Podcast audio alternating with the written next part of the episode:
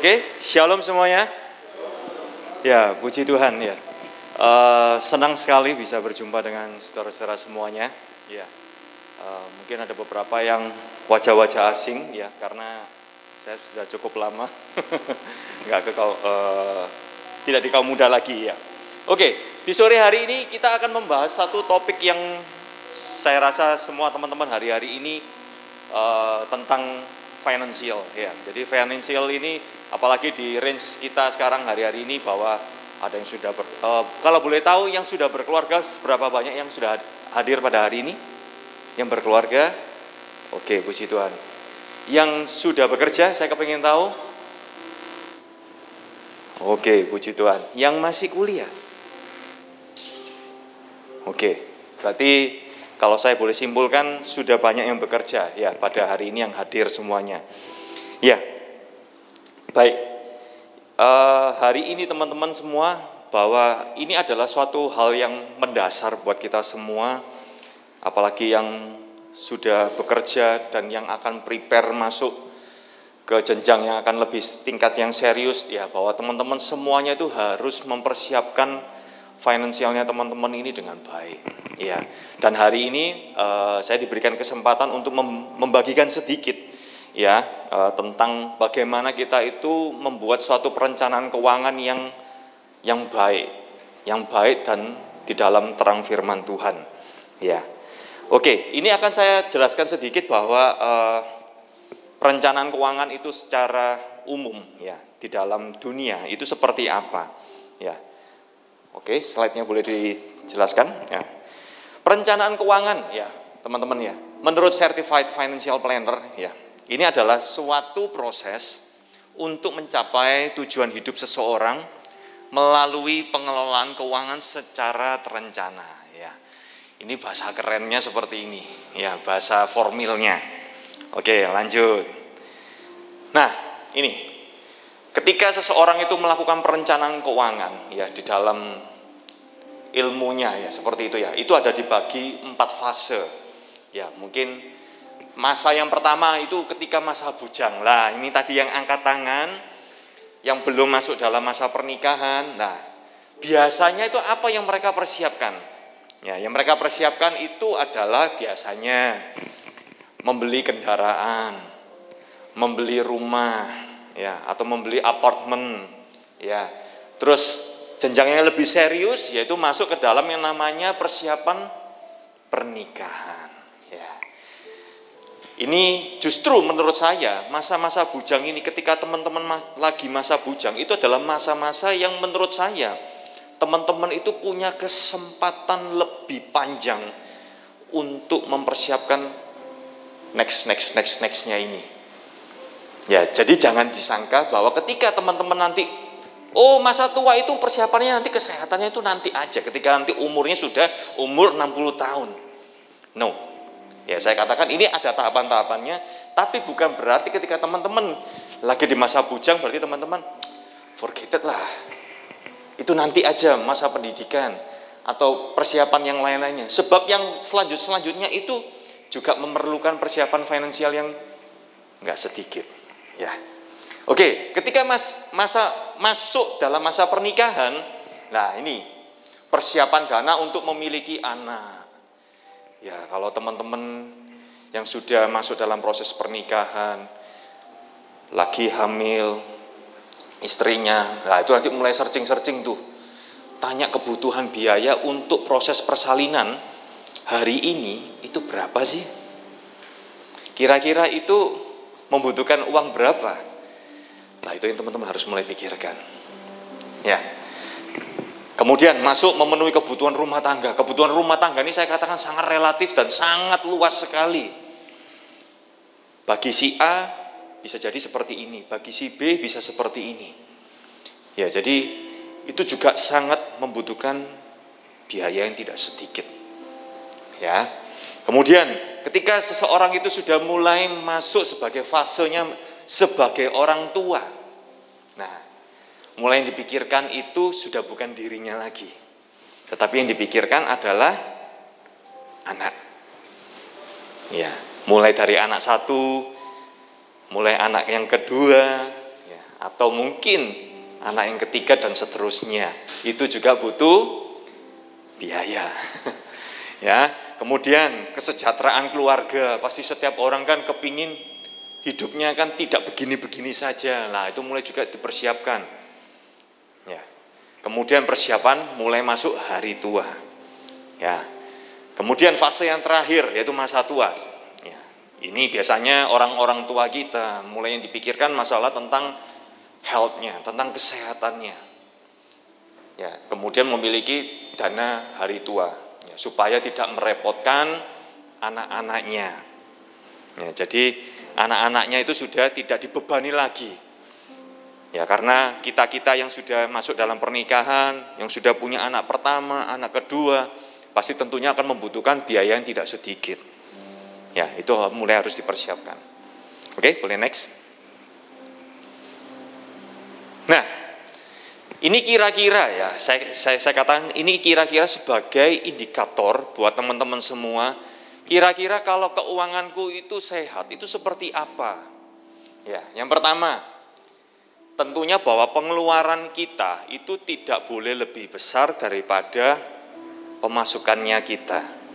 Itu sederhananya sekali. Ya, kalau misalkan teman-teman pengeluarannya eh pemasukannya satu juta. Kemudian kalau pengeluarannya teman-teman itu di 500 sudah separuhnya sendiri. Lah, sedangkan kebutuhan kita dalam keseharian kita itu butuh berapa? Lah, itu yang teman-teman juga harus sangat-sangat bijaksana dalam mengelola keuangannya teman-teman. Ya. Kemudian tidak membayar tagihan bulanannya dengan tidak tepat waktu. Ya, contoh tagihan bulanannya itu apa aja sih? Biasanya kalau yang sudah berkeluarga pasti mulai namanya membayar untuk listrik, membayar air, membayar untuk kebutuhannya kita sehari-hari. Kalau itu sudah tidak bisa dengan dibayar dengan tepat pada waktu, tidak on time. Bukan karena lupa ya, lain cerita lagi. Kalau lupa lain cerita. Tapi kalau sudah memang nggak ada duitnya ini, something dengan finansialnya teman-teman. Ya. Kemudian yang ketiga, tidak memiliki yang namanya dana darurat. Ya, dana darurat ini seperti apa? Ya, namanya orang kadang-kadang terjadi sesuatu hal, resiko itu muncul. Entah misalkan teman-teman punya kendaraan mobil, maaf bicara ketabrak. Kalau teman-teman nggak ada punya dana darurat, apa yang terjadi? Nah, itu semuanya harus dipersiapkan. Tidak memiliki dana pensiun. Tabungannya teman-teman bagaimana? Dan untuk aset yang jangka panjang. Ya. Kemudian memiliki kredit macet, itu juga something wrong. Finansialnya teman-teman berarti ada sesuatu. Kredit macet ini banyak macamnya. Teman-teman yang punya kredit KPR, kalau misalkan teman-teman punya untuk persiapan punya rumah, punya kartu kredit, kartu kreditnya sudah bayarnya nggak bisa on time karena hedonnya yang hari-hari ini yang sangat luar biasa, ya hati-hati untuk hal ini. Kemudian tidak memiliki perencanaan keuangan untuk masa depan, bahaya sekali. Ya saya katakan di sini bahwa teman-teman sejak muda, apalagi masa bujang, itu masa emasnya teman-teman untuk istilahnya menabung sebanyak mungkin. Ya, jadi saya katakan ketika teman-teman masih belum punya uh, pasangan hidup, kerja keras, sebanyak mungkin. Ya, gunakan waktu itu dengan baik. Next. Nah, ini prinsip. Ada empat prinsip yang nanti mungkin kita bisa pegang bersama-sama bahwa apa yang kita lakukan kita ini sebagai anak Tuhan. Bahwa prinsipnya mendasar yang pertama yang paling penting bahwa adalah kita ini sadar bahwa kita ini adalah bendaharanya Tuhan. Ya, saya garis bawahi kita ini adalah bendaharanya Tuhan semua yang teman-teman miliki, itu sadarlah bahwa itu bukan miliknya kita. Kita ini hanya dititipi Tuhan sedikit berkat yang di Tuhan percayakan buat kita untuk kita kelola dengan baik. Ya, itu. Di dalam 1 Petrus 4 ayat 10 dalam terjemahan lama dikatakan bahwa penanggung jawab atau pengurus keuangan ingat bahwa semuanya itu hanya titipan. Ya, bukan ownernya. Ownernya itu siapa? Tuhan kita. Jadi kalau teman-teman adalah membutuhkan berkatnya, mintanya sama siapa? Owner kita, yaitu Tuhan Yesus. Amin. Oke, yang kedua, ya, kita akan dengan cepat karena nanti kita akan diskusi banyak. Mungkin kalau teman-teman ada yang mau bertanya nanti boleh, ya. Kemudian yang kedua bahwa ini prinsip yang juga penting bahwa jangan ingin cepat kaya dan cinta uang. Ini sering kali juga Om Yusuf, sering kali kita di reminder akan hal ini. Boleh kaya? Boleh jawabannya. Tapi kalau ingin cepat kaya, bahaya. Karena apa? Biasanya caranya itu akan aneh-aneh yang terjadi. Ya, hari-hari ini kalau teman-teman boleh cermati banyak macam-macam investasi-investasi yang teman-teman harus dengan bijaksana ya dalam mengambil keputusan. Ya, akhirnya apa yang terjadi? Bukannya uangnya semakin berkembang, tetapi uangnya akhirnya hilang. Ya, dan akhirnya yang terjadi finansialnya teman-teman terganggu. Ya. Dalam 1 Timotius 6 9 ayat 10 ya, tetapi mereka yang ingin kaya terjatuh ke dalam percobaan, ke dalam jerat dan ke dalam berbagai-bagai nafsu yang hampa dan yang mencelakakan. Yang menenggelamkan manusia ke dalam keruntuhan dan kebinasaan. Ya, jadi hati-hati teman-teman ya supaya kita lebih bijaksana. Oke, masuk yang ketiga poinnya Nah, ini juga penting bahwa kita memberi. Ya, memberi ini apa? Ya, saya katakan ada tiga hal. Yang pertama tentunya kepada Tuhan. Ya, Tuhan kita yang sebagai owner, ownershipnya keuangannya kita bahwa melalui apa? Melalui perpuluhan dan persembahan. Dan sekali lagi yang harus digarisbawahi bahwa perpuluhan dan persembahan yang teman-teman kasih kepada Tuhan bahwa itu bukan untuknya kita itu mau memancing berkat. Ya, saya katakan memancing berkat. Oh, kalau saya perpuluhan satu juta, berarti saya kepingin nanti dapat berkat lagi 10 juta. No, ya. Jadi jangan sampai kita memiliki prinsip-prinsip seperti ini bahwa itu akan mendukakan hatinya Tuhan. Ya. Kemudian yang kedua, memberi kepada orang tua kita. Ya, kalau kita sudah diberkati, alangkah lebih baiknya kita juga memberkati buat orang tua kita. Dengan kasih, bukan dengan hitung-hitungan lagi. Ya, yang sudah berkeluarga mungkin sekarang sudah bisa merasakan ketika dulu orang tua kita melahirkan, mendidik, membesarkan kita. Itu sekarang saya sendiri bisa menghitung bisa jadi seperti saya sampai dengan detik hari ini investasi berapa yang orang tua saya itu kasih buat saya? Nggak bisa dihitung teman-teman. Mungkin dihitung bisa kasar tapi gede loh. Gede. Itu ya. Jadi kasihlah buat orang tua kita dengan penuh kasih dengan penuh rasa cinta kita kepada orang tua kita. Kemudian yang ketiga ini juga penting ya. Dalam hari-hari ini kita nggak kebetulan bahwa kita kondisi pandemi ini banyak sekali orang yang terdampak. Ya kalau engkau diberkati, ya engkau berkatilah orang yang ada di sekelilingmu. Ya, jadi tapi sesuai dengan kadarnya. Di dalam 2 Korintus 8 ayat 12, engkau boleh kasih dengan tulus, dengan penuh rasa cinta bahwa engkau sudah merasakan Tuhan memberkati, engkau memberkati kembali buat saudara-saudara yang ada di sekeliling kita. Next. Ini poin yang penting juga lah. Bahwa kita harus benar-benar bisa membedakan yang namanya want and needs. Kebutuhan dan keinginan. Kadang-kadang bisa jadi keinginan dikondisikan bisa menjadi kebutuhan. Hati-hati ya. Contohnya apa? Banyak saya katakan. Bisa hobi-hobinya teman-teman, Ya, yang cowok punya hobi apa, yang cewek punya hobi apa, bisa dikondisikan. Oh iya, ini ini butuh ini. Ya, jadi bijaksanalah dengan per, perihal hal ini. Bahwa yang namanya ketika keinginan, kalau barang itu atau keinginan itu kita tidak kita dapat, kita nggak apa-apa kok sebetulnya. Kita nggak perlu misalkan contoh gadget lah ya saya katakan yang paling gampang. Ya kita semua ini di dalam tas kita, dalam saku kita, nggak ada yang nggak punya gadget. Ya, tapi kalau misalkan saudara-saudara ketika lagi hari-hari ini lihat di Instagram, lihat di sosmed-sosmed, launching ini, pre-order ini. Handphonemu nggak ada apa-apa, nggak ada masalah. Pakai yang ini pun masih it's okay. Tapi karena dikondisikan ini harus jadi kebutuhan, bahaya. Ya, hati-hati teman-teman. Dan kalau yang namanya need, ya ini, kalau kita nggak ada ini, kita bahaya.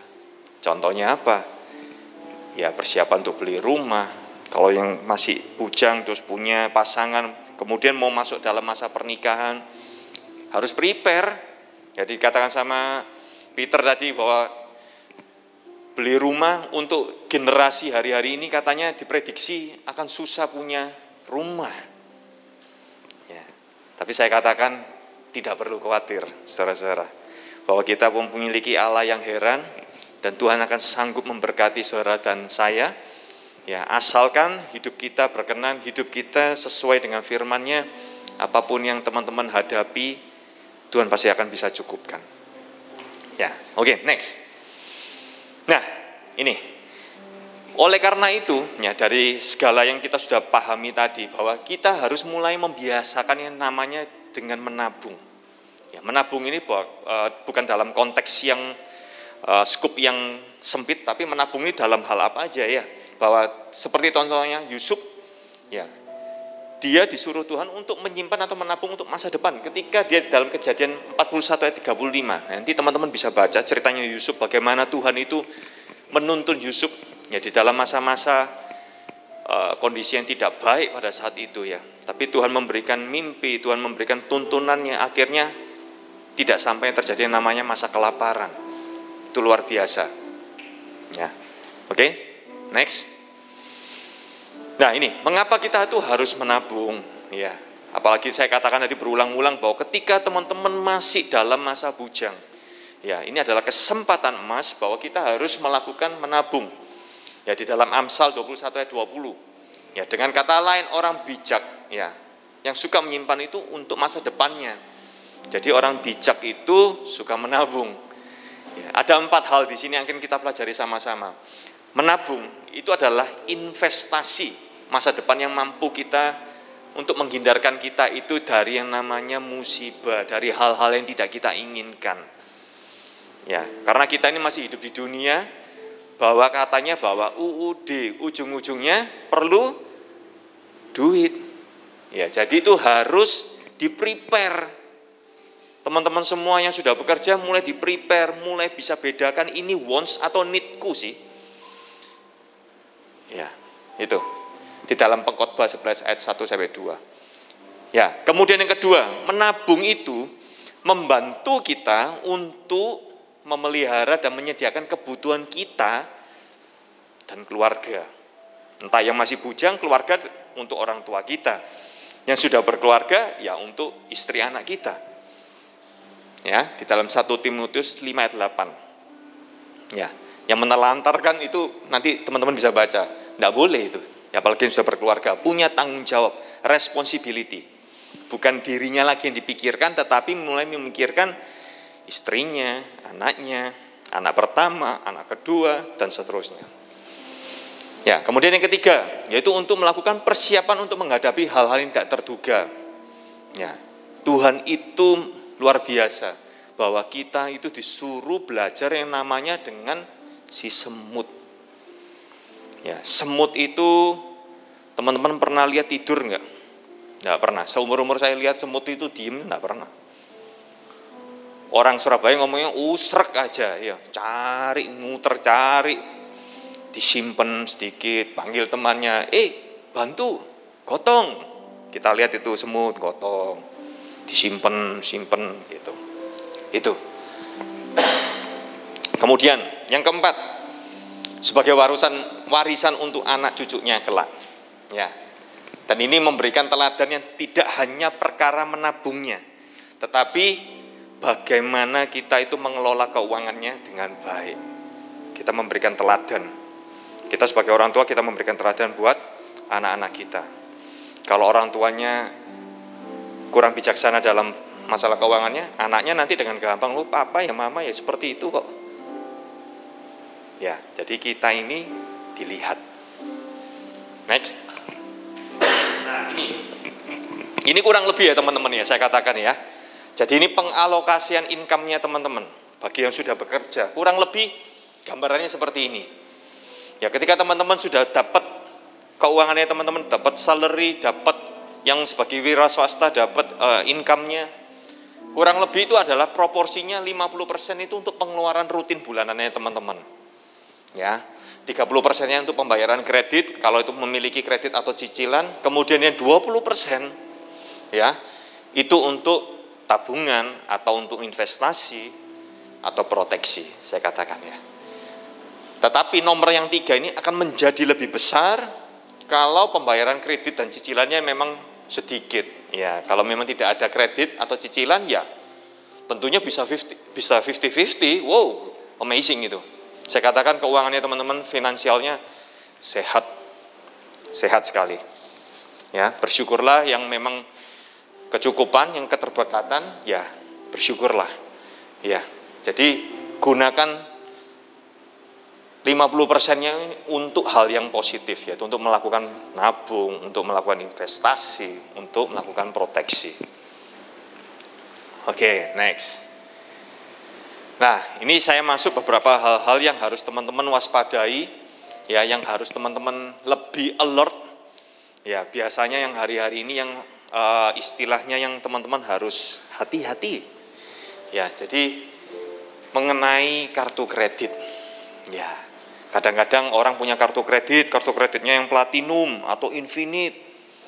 Prestis tuh kelihatannya punya kartu kredit bahwa di, orang yang punya kartu kredit itu justru menurut saya jangan jangan seneng-seneng ya. Kalau engkau nggak bisa menggunakan mengendalikan dirinya teman-teman ketika teman-teman nggak bisa menggunakan kartu kreditnya dengan bijaksana, hati-hati.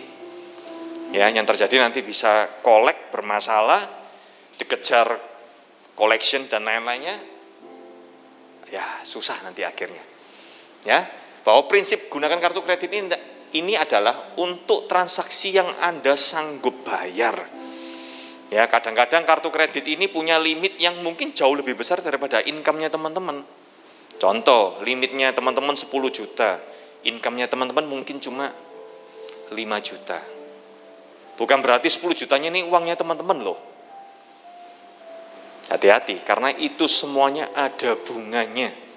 Ketika teman-teman telat bayar, itu akan menggulung dengan luar biasa dan teman-teman akan shock nantinya yang terjadi. Ya, jangan melakukan tarik tunai dengan kartu kredit di mesin ATM. Menurut saya jangan. Ya, kemudian jangan membayar tagihannya dengan minimum. Jangan juga itu akan semakin menggulung dan teman-teman akan keuangannya teman-teman akan menjadi bermasalah nanti. Dan ketika nanti teman-teman mau pengajuan kredit, misalkan mau KPR contohnya, itu akan kecantol dalam hal-hal kayak begini. Sering kali yang terjadi berdasarkan experience yang saya pernah jalani bahwa banyak orang yang bermasalah karena masalah ini masalahnya. Ya. Jadi bukan bangga-banggaan mau banyak-banyakan punya kartu kredit untuk bisa dibuat main kartu remi ya. Bukan ya kalau semakin banyak, menurut saya itu akan semakin membebani teman-teman. Boleh punya kartu kredit? Boleh. Saya katakan, tapi sesuaikan kebutuhan aja. Ya, mungkin teman-teman bisa menikmati, mungkin ada beberapa uh, bank-bank yang mungkin memberikan benefit yang oke, okay. nggak apa-apa memiliki. Punya satu dua, oke. Okay. Ya, sesuaikan dengan kebutuhan aja. Oke, yang kedua, nah ini yang harus diwaspadai tentang yang namanya nah pinjaman online ya. Jadi ini hal yang mungkin sering kali sering ditelepon atau mungkin teman-teman yang punya gak boleh sebut merek ya, yang ada pay later pay itu ya macam-macam lah ya hari-hari ini ya. Saya tidak boleh sebut merek ya. Itu teman-teman harus waspada. Itu juga sama prinsipnya, bunganya itu luar biasa dan ketika teman-teman itu akses teman-teman kan harus melakukan allow, allow, allow, allow. Betul ya? Nah, itu teman-teman harus waspadai dan ketika teman-teman sudah allow, akses data yang teman-teman itu sebetulnya teman-teman sadari atau tidak, itu terbuka. Dan kadang-kadang ada yang pernah kejadian ketika dia melakukan pinjaman online, ketika orang itu bermasalah, yang ditelepon tuh sekontaknya itu diteleponin semua teman-teman. Ya, jadi hati-hati ya dengan pinjaman online teman-teman nanti bisa masuk ke www OJK ini. Ya ini institusi resminya. Kenapa sih nggak boleh? Terus ciri-cirinya itu seperti apa? Teman-teman bisa nanti lihat aja supaya menyingkat waktu. Ya, next. Ya, kemudian masuk yang namanya berinvestasi. Ya ini. Prinsipnya itu teman-teman, teman-teman tuh harus memiliki kemampuan keuangan dulu ya tahu income-nya teman-teman ini sebulan ini dapat berapa sih? Atau yang ber, berusaha income-nya itu satu bulan itu dapat berapa sih? Ya jangan sampai teman-teman semua dimasukkan investasi semua. Lah terus untuk kebutuhannya teman-teman sehari-hari bagaimana? Ya terus kemudian memahami diri kita ini termasuk profil yang seperti apa? Ya ini dalam OJK juga nanti teman-teman juga bisa lihat ini resmi. Tipe yang termasuk konservatif kah atau teman-teman yang masuk ke moderate kah? Atau teman-teman yang tipenya masuk agresif kah? Ya, kalau teman-teman yang masuknya tipe konservatif, jangan masuk yang investasinya yang tipenya agresif supaya dapat cuannya tinggi. Tapi yang terjadi apa? Hatinya teman-teman, pikirannya teman-teman di situ. Dan ketika itu muncul resiko, teman-teman nggak siap, uangnya teman-teman hilang. Ya, ini prinsip yang paling penting bahwa teman-teman harus paham dirinya ini masuk yang apa. Dan teman-teman berinvestasi, saya pastikan jangan pernah ikut-ikutan. Kalau teman-teman tidak paham, jangan pernah ikut-ikutan. Jangan tergiur yang namanya dengan returnnya, bunganya, cuannya berapa. Ya, dibalik semua itu pasti ada yang namanya resiko. High, high return, high risk. Ya, itu aja yang perlu teman-teman pahami dan teman-teman harus paham resikonya yang akan dihadapi. Kemungkinan-kemungkinan terburuknya itu teman-teman harus paham. Jangan cuma paham cuannya aja. Kalau ketika teman-teman tahu cuannya aja, untungnya berapa, returnnya berapa, resikonya teman-teman tidak tahu. Ya, itu yang harus teman-teman sadari bersama-sama. Next, dengan cepat. Ya ini saya katakan ada macam-macam bentuk investasi ya. Ada yang namanya investasi aktiva real, investasi aktiva secara finansial. Aktiva real ini contohnya apa sih? Emas, tanah, rumah, apartemen. Ya, ini kalau zaman orang-orang tua kita, ini paling seneng ini yang namanya investasi yang seperti ini. Yang bikin katanya, bikin hatinya tuh tenang, tentrem, anteng, ya katanya seperti itu. Ya, kalau yang generasi yang hari-hari ini itu mulai masuk yang ke poin yang nomor dua ini. Ya, sampai yang poin yang paling terakhir yang di huruf F itu. Waduh. Ya, nah, tapi hati-hati ya. Jadi mulai dari konservatif, mulai tabungan, deposito, main valuta asing, ya surat berharga negara ini macam-macam, ada yang namanya SBR, ST, ya ORI, SR dan lain-lainnya. Ya, kemudian dari reksadana, reksadana pun ini dibagi berbagai macam ada kurang lebih empat ya, ini saya katakan ini, pasar uang, pendapatan tetap, campuran, pure saham, dan saham itu sendiri. Ya mungkin kalau teman-teman sering dengar trading saham, trading saham. Nah itu. Ya kalau teman-teman tidak punya pengetahuan yang dalam, harus lebih hati-hati, saya katakan ya. Bukan berarti tidak boleh, boleh. Kalau teman-teman punya pengetahuan yang cukup, punya waktu yang cukup juga, it's okay. Punya pengetahuan market outlook yang oke, okay, silakan. Tetapi kembali lagi, resiko-resiko itu harus teman-teman ketahui dengan sungguh-sungguh. Dan cocokkan dengan tipenya dirinya kita, teman-teman. Ya, kalau Anda tipe yang moderate, ya boleh main-main sedikit-sedikit. Anda tipe yang agresif boleh, tapi dengan kondisi hari ini menurut saya cari yang aman dulu lah. Ya, tunggu momen yang tepat. Next. Ya, cara investasi yang benar ya, ini kurang lebih aja ya. Pilih platform ya, pilih platform investasi yang terdaftar yang diawasi oleh OJK. Ya, saya katakan ya, yang terdaftar dan yang diawasi OJK aja masih ada yang bisa meleset loh teman-teman saya katakan. Jadi be careful. Ya, bukan berarti ini menjadi jaminan juga, tapi setidaknya apalagi yang tidak ada bahaya, ya Kemudian masuk ke bank, ya pilihlah bank yang terpercaya, yang punya rekam jejak yang baik, Ya, saya katakan itu yang sedikit membuat kita lebih aman. Ya, kemudian yang kedua, lakukan diversifikasi investasi. Saya katakan tadi ada banyak itemnya. Menurut saya diversifikasi aja. Ya, itu yang idealnya. Ya, tinggal kembali lagi proporsinya teman-teman cocokkan dengan dirinya teman-teman. Ya. Kemudian tidak bertindak yang namanya spekulatif. Wah, ini ikut-ikutan nih sama teman. Mumpung ini harganya sahamnya si tit, ya itu yang saya nggak boleh sebutkan. Ini lagi, nah, masuk cepetan. Nah, hati-hati. Padahal belum tentu analisanya benar. Ya, jangan spekulatif. Ya, tahu dan memahami resiko dari setiap produk yang kita ambil. Jadi teman-teman kalau ikut di media uh, platform investasinya jangan semuanya cuma di setuju, setuju, setuju, setuju, tanda tangan, tanda tangan, tanda tangan. Dan yang terjadi ketika teman-teman ada resiko itu muncul, loh kok begini, kok begini. Setelah dicek, ditunjukin, loh Anda setuju semua kok. Anda sudah tanda tangan kok. Selesai. Itu secara legalitasnya sah. Yang rugi, yang kalah siapa? Kita. Ya. Kemudian pahami jangka waktu setiap investasi yang teman-teman ikuti. Karena semua investasi itu ada tenornya, ada waktunya. Contoh kayak tadi ori, itu tenornya ada yang tiga tahun, ada yang dua tahun. Ya teman-teman kalau uangnya ini dibutuhkan dalam waktu sesaat ya jangan dimasukkan yang tenornya lama. Kalau teman-teman butuh duitnya susah, redemptionnya teman-teman nggak bisa lakukan. Adanya kena penalti bukannya untung buntung yang ada. Jadi tenor ini juga penting. Kalau memang ini uang dingin yang teman-teman yang katakan ini nggak akan saya pakai dalam waktu yang lama, oke lah masuk saham sedikit. Kalau tenornya yang sedang-sedang masuk ke ori, tadi saya katakan. Kalau yang short term, ya saya katakan masuklah di tabungan atau deposito. Ya, kurang lebih gambarannya seperti itu teman-teman. Kemudian bertanyalah kepada ya orang-orang yang teman-teman percayai, yang berkompeten memang di bidangnya, saya katakan seperti itu. Ya karena ini paling penting saya katakan ya supaya teman-teman tidak sampai salah melangkah salah dapat informasi. Next.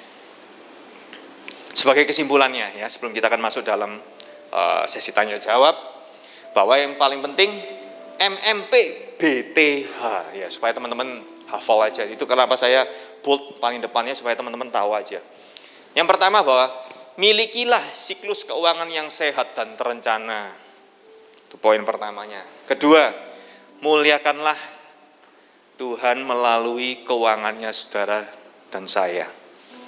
Ya, jangan sampai teman-teman dikasih berkat 5 juta teman-teman misalkan ini saya katakan 5 juta teman-teman tidak lakukan perpuluhan dengan baik. Teman-teman tidak kasih orang tuamu.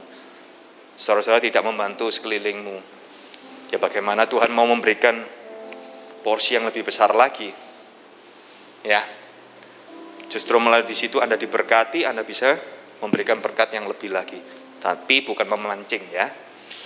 Oke, perpuluhan dengan kasih dan tulus. Malaikat 3 ayat 10. Ya, itu poin yang penting. Kemudian berpada dan bersyukur. Ya, ini poin yang penting. Bisa bedakan yang namanya kebutuhan dan keinginan. Jangan keinginannya yang lebih ditonjolkan daripada kebutuhannya. Ya, ini Om Yusuf sudah sering kali eh, mendaung-daungkan masalah berpada bersyukur. Poin penting buat kita semuanya. Dan yang selanjutnya tidak perlu khawatir. Ya, tadi dikatakan bahwa nggak bisa beli rumah ini generasi-generasi hari ini. Ya, Mazmur 37 ayat 25 26. Engkau tidak perlu khawatir asalkan semuanya Anda lakukan dengan benar, dengan baik, dengan bijaksana. Ya. Dan yang paling penting endingnya adalah mintalah pimpinan dan tuntunan dari Tuhan. Ya, Tuhan kita tuh maha tahu. Jangan dikatakan Tuhan gak tahu lah yang namanya sahamnya ini. Oh, jangan kata. Ya, Tuhan kita itu maha tahu. Dia bisa memprediksikan 5-10 tahun lagi bagaimana. Ya, apa yang kau butuhkan hari-hari ini, yuk mulai tabung, yuk mulai berinvestasi yang benar Ya, jangan dibuat hura-hura, jangan dibuat hore-hore. Ya, bolehlah sedikit-sedikit kita yang namanya kepingin istilahnya apa ya? uh, buat dirinya ya, menyukakan dirinya, memberikan rewarding ya buat dirinya. Oke. Tapi kembali lagi jangan kelamaan, jangan banyak-banyak ya supaya itu bisa dilakukan semuanya dengan bijaksana. Masih ada lagi? Nggak ada ya rasanya ya. Terima kasih. Tuhan memberkati kita semuanya. Ya, oke. Oke, puji Tuhan, saudara ya. Uh, Bapak Erik, silakan langsung duduk di sini aja. Saudara diberkati oleh sing, tadi walaupun nggak terlalu panjang tapi uh, sangat padat dan apa namanya uh, daging semua istilahnya ya. Oh. Oke, terima kasih Bapak Erik Limanu yang sudah memberikan renungan kepada kita semua. Kita lanjut ke sesi yang uh, berikutnya yaitu talk show, saudara ya. Tanya jawab. Saudara yang punya uh, pertanyaan, secara khusus malam hari ini kita membahas tentang personal finance. Saudara bisa tanya bagaimana tips berinvestasi atau bagaimana caranya uh, dengan penghasilan mungkin sekian, caranya yang bijaksana misalnya untuk mencicil beli rumah kah atau apartemen kah dan lain sebagainya saudara. Pokoknya malam hari ini kesempatan emas jangan disia-siakan saudara ya. Nanti saudara bisa tanya, uh, akan ada dua narasumber malam hari ini saudara ya. Yang pertama ya yang tadi saudara, Bapak Erik Limanu. Uh, Bapak Erik Limanu ini uh, berkarir yaitu sebagai profesional dan bekerja di salah satu bank di Surabaya saudara sebagai uh, branch manager atau pimpinan cabang saudara. Dan yang kedua narasumber kita kalau ini bekerja secara profesional saudara, kita sambut narasumber kita yang kedua yaitu seorang entrepreneurship saudara. Jadi pemilik satu perusahaan, satu perusahaan uh, kalau tidak salah pakan ternak gitu ya yang berkembang, saudara ya. Kita sambut Bapak Hendrik GS. Silakan Bapak Hendrik GS maju ke depan. Dan yang berikutnya, saudara, kalau ada uh, talk show harus ada moderatornya, saudara ya. Moderatornya ini pun juga seorang uh, menjalani dua, saudara ya, dalam berkarir, profesional, setelah profesional uh, bekerja berkarir, lalu memiliki perusahaan sendiri di bidang arsitektural, saudara ya. Jadi saudara, uh, saudara pasti tahu tidak usah berlama-lama, kita sambut Bapak Eko Wardoyo sebagai moderator kita malam hari ini. Oke, tanpa berpanjang lebar, saya serahkan kepada Bapak Eko Wardoyo untuk memoderatori Nox Talk Show pada malam hari ini.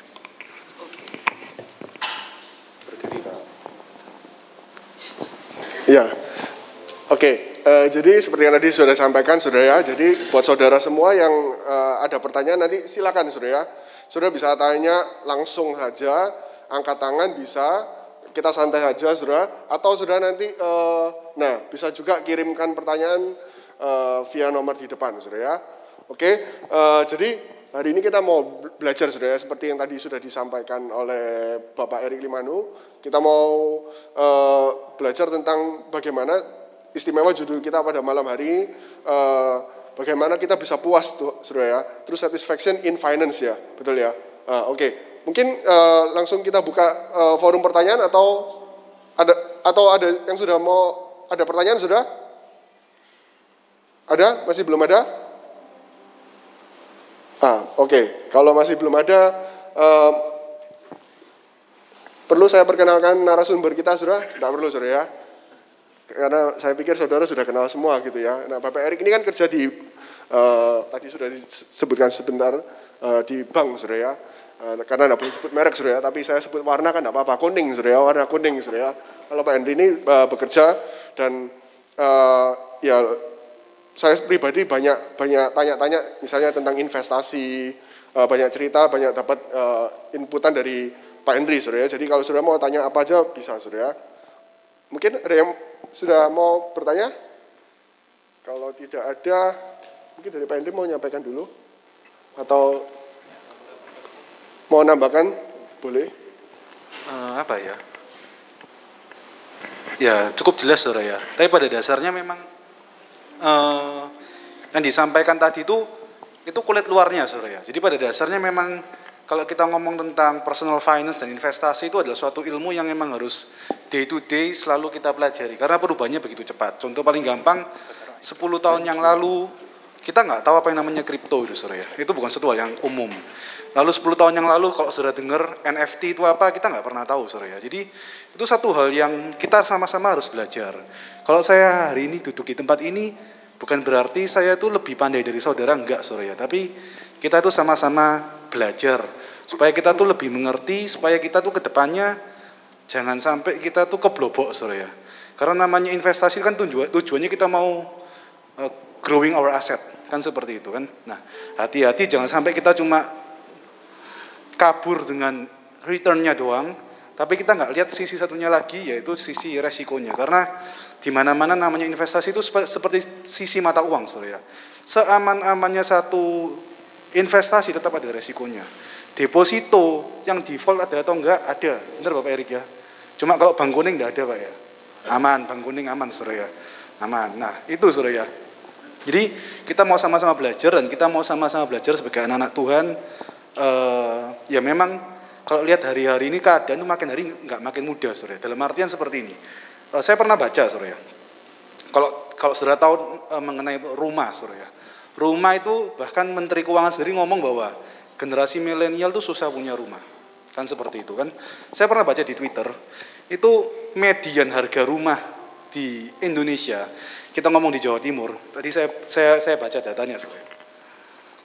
Itu kalau nggak salah, saudara. Ya, itu sekitar sebentar uh, itu median. Median itu harga tengah Surya itu sekitar sebentar saya lihat. 2, Surabaya Surya itu berapa ini Pak Erik? Surabaya. Sebentar. Nah 2,7 M Surya 2,7 M mediannya. Itu kalau di, ini katanya Surya dibagi sama UMR Surya itu 20 tahun kerja nggak bayaran, eh nggak nggak di spending itu tetap nggak cukup. Kan seperti itu. Nah Kelihatannya susah Surya, tapi kalau kita ada di tempat ini, kita duduk tempat ini, percayalah Surya bahwa kita tuh ngitungnya nggak cuma pakai kalkulator manusia, ada yang namanya subsidinya Tuhan. Amin. Kalau Bapak Sifang minggu lalu cerita tentang bagaimana Matius 6 ayat 33 Surya, itu saker Surya, menyedot semuanya Surya. Kalau saya boleh nambahi Mazmur 127 ayat 2 Surya. Ketika tidur Tuhan berkati. Artinya apa? Ada subsidinya yang Tuhan tambahkan. Saya percaya kalau saya hari ini bisa duduk tempat ini, Bapak Erik juga. Saya Bapak saya sama Bapak Erik, ya kita ini kan kenal sudah lama seru ya. Pelayanan dulu sama-sama belum kerja ya kan. Sama-sama masih bujang gitu. Nah, dia ngeseri sapa kan juga tahu sore ya. Nah lalu sampai akhirnya kalau saya bisa melihat jenjang karirnya Bapak Erik sampai sekarang itu kan semua karena kemurahan Tuhan. Bapak Eko juga saudara arsitek yang luar biasa, proyeknya banyak, barusan bangun berapa 400 4500 ya Pak, isunya. Uh, poinnya Pak, poinnya. Oh iya, poinnya, sorry sorry sorry. Moderator Pak. Oh iya iya. iya. Narasumber. Nah itu saudara ya, itu ada subsidinya Tuhan saudara. Kalau kita ngandalkan kekuatan kita sendiri, saudara lihat fakta, saya jamin kita tuh pasti kedir, pasti saudara. Tapi ketika kita melihat ke atas kita punya Tuhan, itu sumber kekuatan kita yang membuat kita tuh mampu, bisa dan firman Tuhan katakan apa yang nggak pernah kita pikirkan, yang nggak pernah kita dengar, nggak pernah kita lihat, itu yang Tuhan sediakan. Amin. Jadi kalau hari ini kita diskusi tentang finance, again di atas semua ilmu yang kita bicarakan ada Tuhan Yesus yang sanggup melakukan jauh lebih banyak, jauh lebih besar daripada yang kita doakan apa yang kita pikirkan. Efesus 3:20 Surya. Oke. Okay. Nah, ini ada pertanyaan yang masuk uh, Pak Hendri dan Pak Erik. Jadi ada uh, dua pertanyaan. Mungkin saya akan bacakan dulu pertanyaan yang pertama gitu. Nah, ini uh, buat narasumber minta tips atau ya penjelasan untuk kita generasi muda yang akan atau yang sekarang sedang berada di situasi sandwich generation gitu ya. Jadi uh, mungkin banyak di antara kita sedang dalam fase itu atau menuju ke situ. Nah mungkin uh, dari Pak Henry atau Pak Erik bisa kasih tipsnya karena kan uh, kita tahu uh, narasumber sudah punya keluarga gitu ya. Jadi kan sudah punya anak dan uh, masih punya orang tua seperti itu yang uh, tadi sempat disampaikan Pak Erik juga itu untuk yang kita berkewajiban untuk memelihara gitu seperti. Nah, uh, tipsnya dari mungkin Pak Erik dulu atau Pak Andri dulu terserah bebas. Silakan Pak Erik tadi Bapak Erik yang bicara atau Pak silakan Pak. Silakan Pak Erik. Tipsnya bagaimana Pak Erik? Saya tahu uh, Pak Erik uh, ya karena sama seperti saya sudah ya jadi kita papa kita sudah berdua tidak ada, jadi kan kita punya tanggung jawab lebih gitu uh, untuk uh, memelihara uh, orang tua kita gitu. Nah mungkin dari Pak Erik bisa kasih tips dan triknya Pak penjelasannya. Uh, Iya. Tes. Mati. Tes. Mati. Ya. Eh, kalau ngomong tips, sebetulnya tidak ada yang spesifik juga ya saya katakan. Jadi bahwa apa yang saya, saya sampaikan tadi itu adalah sebetulnya ya itu yang saya lakukan. Ya, jadi saya katakan bahwa itu yang saya lakukan. Eh, tinggal teman-teman bisa mengimprovisasi, saya katakan, ya bahwa eh, teman-teman berharap Tuhan, bahwa yang dikatakan oleh seperti Henry bahwa teman-teman tidak perlu khawatir apa yang akan teman-teman hadapi. Ya, kayak ya kami bertiga di sini di depan ini bukan berarti bahwa kita ini sudah menjadi orang yang paling top, paling sukses, tidak saya katakan.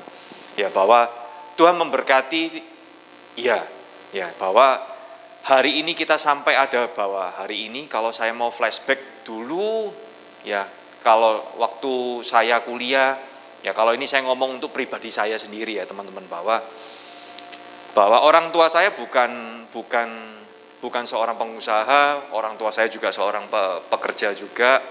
Ya bahwa tadi Eko juga sudah sampaikan bahwa singkat cerita orang tua saya meninggal, ayah saya meninggal di sekitar tahun 2009.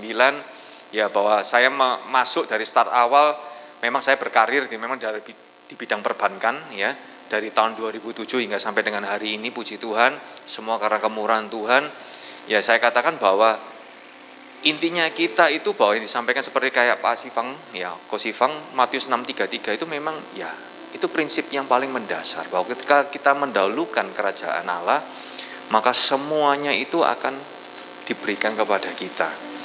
Ya jadi kalau saya ngomong apakah saya pinter?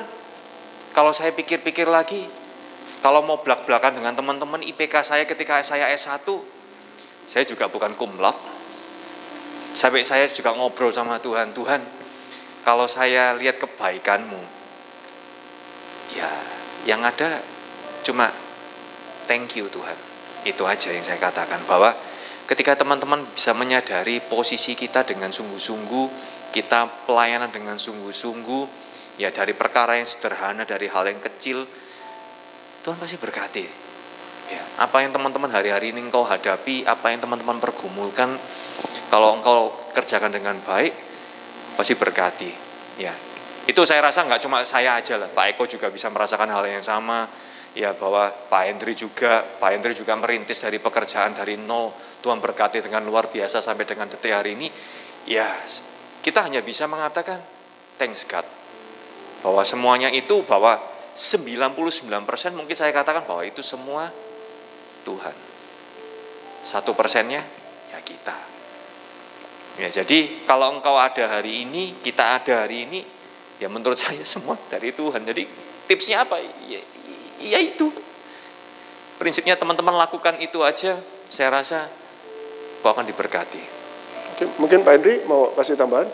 Oh ya kalau Yes. ya kalau tadi tentang apa namanya memberi sore ya.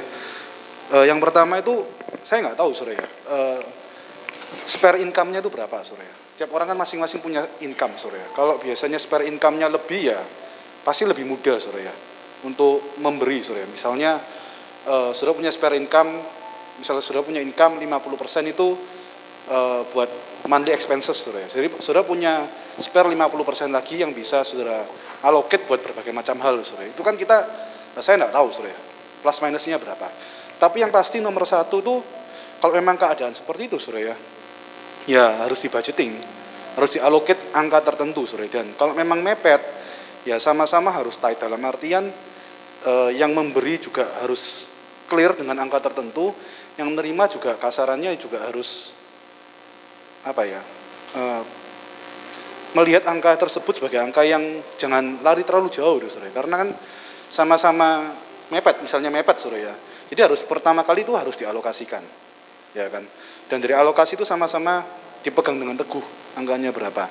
Yang ketiga kalau memang sama-sama mepet, pada akhirnya mau nggak mau memang at the end of the day ya targetnya income harus naik. Soalnya kalau sudah dialokasikan, namanya alokasi, ya satu hari dua hari uh, bad can happen gitu ya kan bisa melebihi dari budget. Terlalu tight memang susah. Tapi pertama kali nomor satu itu pasti alokasi yang jelas, dikomunikasikan, ya kan. Dari alokasi itu ya sama-sama berusaha untuk komitmen seperti itu. Ke depannya kalau bisa, kalau misalnya tight ya berusaha supaya income ditambah, supaya ada apa ya bantalannya atau toleransinya masih bisa lebih lebar.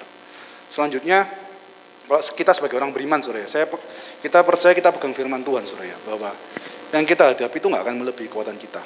Amin Surya.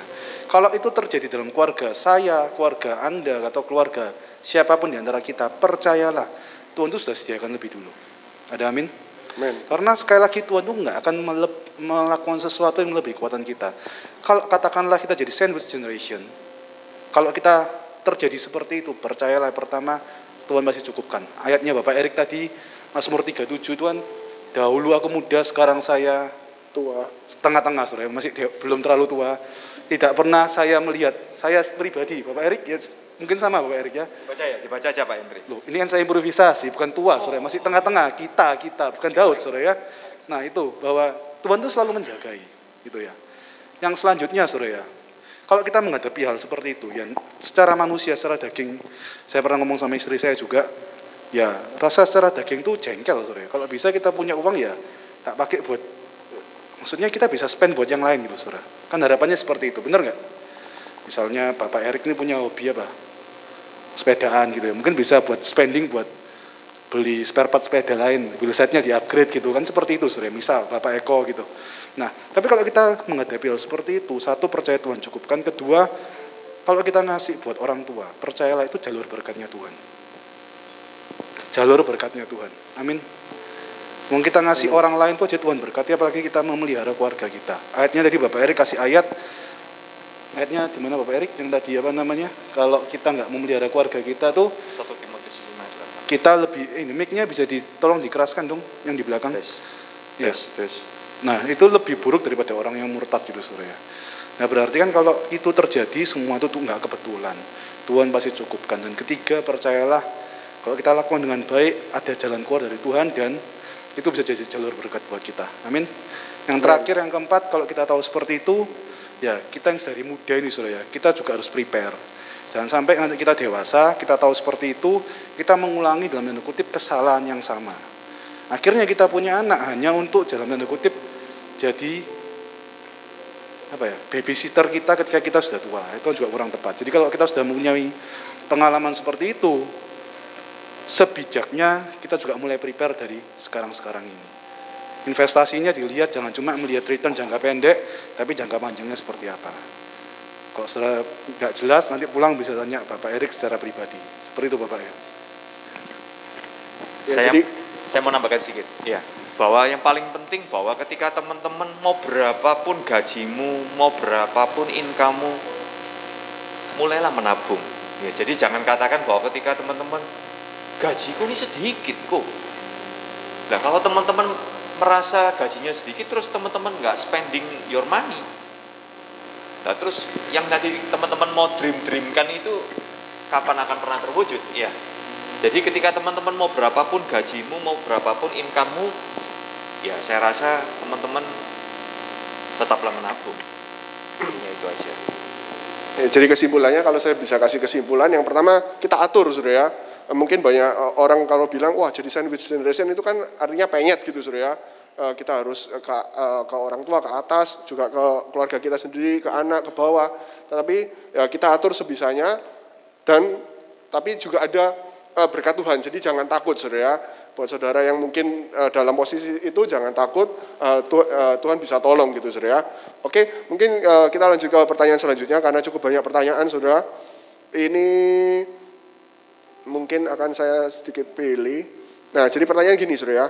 Uh, sering kali kita mengalami dilema. Di satu sisi ingin menambah penghasilan, di sisi lain kita tidak tahu harus mulai dari mana. Jadi ya, ingin dapat penghasilan lebih tapi bingung nih mulai dari mana dan uh, ada keraguan sebelum memulai melangkah. Sudah berdoa, tetapi kalau uh, dia sudah berdoa, tapi kalau cuma doa doang tanpa berusaha kan sama aja bohong nih katanya gitu kan. Nah, apa dari narasumber ada tips gitu. Uh, bagaimana kalau seseorang yang ingin uh, menambah penghasilan, eh, di sisi lain eh, bingung nih mulai dari mana gitu. Eh, mungkin eh, ada yang mau jawab, Pak? Ya harus ada yang jawab sih. Ya, harus Kalau jawab kan susah nih. Nah, kalau menurut Bapak, Bapak sendiri gimana Pak kalau itu? Pak? Moderator. Oh iya, lupa, lupa, lupa. Pak, Pak Erik bingung nih eh, mau mulai dari mana gitu. Sudah doa tapi kalau doa doang eh, menurut pertanyaan apa kan sama aja kalau nggak ada usaha kan sama aja kosong, bohong nih, nihil gitu loh. Tips-tipsnya gimana Pak? Tips praktisnya Ya, mau memulai usaha yang baru nih mungkin nambah penghasilan. tes. Eh, denger ya suaranya ya? Ya, jujur ya itu agak susah Surya. Karena kita semua pengennya kan nambah penghasilan Surya. Semua pasti pengen nambah penghasilan. Tapi kalau menurut saya Surya, tergantung. Surya punya waktunya gimana, eh, posisi Surya sebagai apa. Eh, kerja sendiri atau kerja ikut orang. Tapi yang pasti itu dimulai dari sesuatu yang kita mengerti dan kita pahami. Jangan Surya mulai dari sesuatu yang nggak Surya pahami gitu ya. Susah, learning curve-nya itu terlalu panjang Surya. Karena namanya orang sukses dalam bekerja, itu ada namanya uang sekolahnya, kan seperti itu, ya kan. Eh, saya dulu kerja juga nggak langsung tiba-tiba langsung bisa. Ada learning curve-nya. Biasanya memang kalau misalnya kita kerja sendiri, Surya, itu enak. Misalnya kita orang tua ada pekerjaan kita teruskan, karena learning curve di awalnya juga kepotong. Karena orang tua kan sudah eh, sudah punya pengalaman, dia bisa kasih satu guidance yang jelas. Nah kalau dari kita pribadi yang pertama kali ya sesimpel apa yang kita pahami, apa yang kita mengerti, itu dulu yang harus kita kerjakan. Jangan kita masuk di bidang yang nggak kita pahami dan yang kita nggak mengerti. Itu dan itu disesuaikan eh, kerja sendiri atau sebagai karyawan itu kan semua beda-beda, saudara. Kalau orang kerja sendiri biasanya eh, pengembangan usaha, saudara ya, itu sering kali kalau sudah lihat di konglomerasi besar-besar itu cenderungnya tuh hulu ke hilir. Bisa yang horizontal bisa yang vertikal. Maksudnya seperti apa? Contoh eh, Indofood gitu ya. Dia pur- eh sebut merek suruh ya. Mie mie instan mie instan suruh ya. Mie instan gitu ya. Dia punya minyak tapi yang dia lakukan dia mundur ke belakang ke bahan bakunya jadi dia sudah punya captive marketnya. Ketika dia mundur ke belakang satu eh, hilir hilirnya dia bisa dapat bahan baku yang lebih murah. Ketika dia ekspansi juga dia bisa juga eh, di perusahaan yang di hulunya katakanlah tepung terigunya saudara ya dia bisa mengefisienkan di produksi end produknya di perusahaan yang di belakangnya itu saudara ya dia juga bisa jual ke free market ke tempat yang lain selagi, dia sudah punya captive marketnya. Jadi efisiensinya at least 50% udah ada captive market yang jelas. Itu kalau grup konglomerasi besar saudara atau misalnya eh, paling gampang saudara jualan gitu ya transportasi biasanya selama ini sewa ekspedisi saudara sekarang di kasarnya dimakan sendiri. Kan seperti itu. Arsitek misalnya seperti itu. Dulu arsitek doang lalu berkembang ke jadi kontraktor. Itu kan semua bisa itu macam-macam. Makanya pertanyaannya itu seperti apa? Kalau misalnya eh, staff gitu ya atau karyawan ya skill yang dipunya itu apa lagi? Itu macam-macam ya. Dan Jadi itu- mulai dari eh, kemampuan dulu ya, Yang kita- interestnya yang dia punya eh, yang kita seperti bisa, apa, yang ya, bisa seperti atau apa gitu ya. Kalau misalnya punya uang lebih tadi tadi pagi Bapak Eko juga cerita kan beli franchise. Oh, Ya, seperti enggak, enggak punya uang lebih, Pak. krim gitu ya. Pak, enggak punya uang lebih, Pak. Ini justru ingin menambah penghasilan, Pak. Oh iya enggak misalnya, misalnya itu salah satu beli franchise kan juga bisa. Mau nambah penghasilan, bingung mau mulai dari mana gitu. Loh, punya kalau misalnya punya modal, kan ada orang punya uang tapi kan bingung mau diletakkan di mana kan juga ada. Oh iya, Iya bisa kan? sih. Bapak pernah mengalami hal Tapi seperti itu? tapi ini satu eh, kelihatannya ingin menambah, Pak. Jadi merasa kurang, ingin nambah kalau saya nangkep seperti itu. Oh iya. Eh, kita jangan berdebat, Pak. Iya, iya. Terima saja. Seperti itu, Surya. Jadi Pak Erik mau nambahin sedikit, sudah minta sudah berdoa tapi Oke. eh, merasa Eh, ini saya kalau Pak Hendri kan memang kan sebagai entrepreneurship ya. Jadi kalau kalau bagi saya ya saya seorang profesional saya berpikirnya bahwa teman-teman jangan galau terlalu lama di dalam di dalam apa yang teman-teman kerjakan hari-hari ini. Ya, ketika Anda bekerja satu dua tahun Anda galau boleh. Ya, kadang-kadang kan orang kan masih mencari apa ya? eh, apakah saya ini benar-benar passion saya bekerjanya di di bidang ini atau enggak ya? Boleh galau, tapi jangan lama-lama teman-teman. Ketika teman-teman sudah pastikan teman-teman pekerjaannya itu dalami dengan sungguh-sungguh. Supaya apa? Supaya teman-teman eh, memiliki value yang nambah. Ketika teman-teman ada value yang nambah, harganya teman-teman itu juga menambah. Kalau harganya teman-teman nambah, income-nya teman-teman nambah. Ya, kalau teman-teman masih belum nambah, pindah kerja. Ya, ini simple. Kalau kita yang sebagai seorang karyawan, tapi menurut saya teman-teman harus konsisten di dalam satu bidang yang teman-teman memang harus tentukan dari awal. Misalkan teman-teman kita ada yang seorang accounting, ambillah brevet sebagai untuk menambahkan value yang berbeda ketika teman-teman sebagai accounting. Orang yang HR, ambillah sebagai psikolog untuk menambah pengetahuan Anda di bidang HR. Anda yang sebagai seorang apotek, uh, sebagai uh, apoteker, ambillah spesialis, uh, spesialisasinya untuk profesinya. Ya, arsitek, ngambil lagi dan lain-lainnya. Bahwa itu intinya bahwa teman-teman ngambil suatu bidang yang memang teman-teman mau spesifikkan itu akan teman-teman menambah value-nya dirinya teman-teman. Ya. Jadi kalau teman-teman sudah menambah itu tentunya nilainya teman-teman ini akan naik. Karena apa? S1 ini semakin banyak loh teman-teman. Ya, saya katakan semua S1. Ya. S1 yang seperti apa? Ya teman-teman harus punya saya dengan teman saya ini, oh saya kelebihannya saya ini teman-teman saya ini nggak punya yang seperti yang saya miliki. Berarti ownernya teman-teman, pimpinannya teman-teman, oh seorang Erik ini berharga. Ini kalau nggak ada Erik, bisa something nih perusahaan saya. Saya turun, saudara ya. Ya, jadi jadi daripada bingung galau cari usaha lak, tambahan usaha, buka usaha lagi, uh, yang dia bingung, mending uh, dalemi yang sudah dikerjakan, dengan nambah uh, uh, value-nya gitu ya Pak ya. ya. Mau sekolah S2 boleh, mau ngambil profesi boleh saya katakan ya. Jadi ini banyak banyak konteksnya Pak Eko ya. Jadi ya, oke. Okay. Baik. Ya, itu. Uh, jawaban yang masuk Pak Erik. Uh, juga mungkin kalau saya bisa nambahin sedikit, mungkin saya pernah baca uh, quote gini Saudara. Uh, kalau kita mau nambah penghasilan itu memang lebih susah daripada kita ngurang uh, ngurangin pengeluaran Saudara.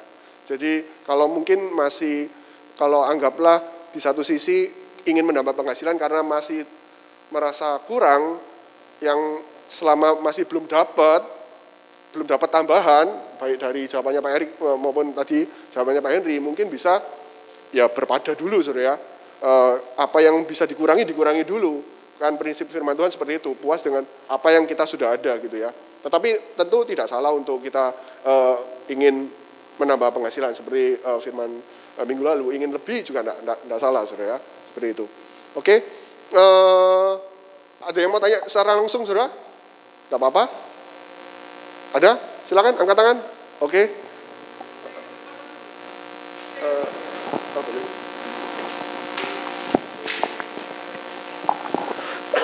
Shalom, selamat sore. Saya mau tanya, kan tadi sudah dijelaskan di slide mengenai pengalokasian income.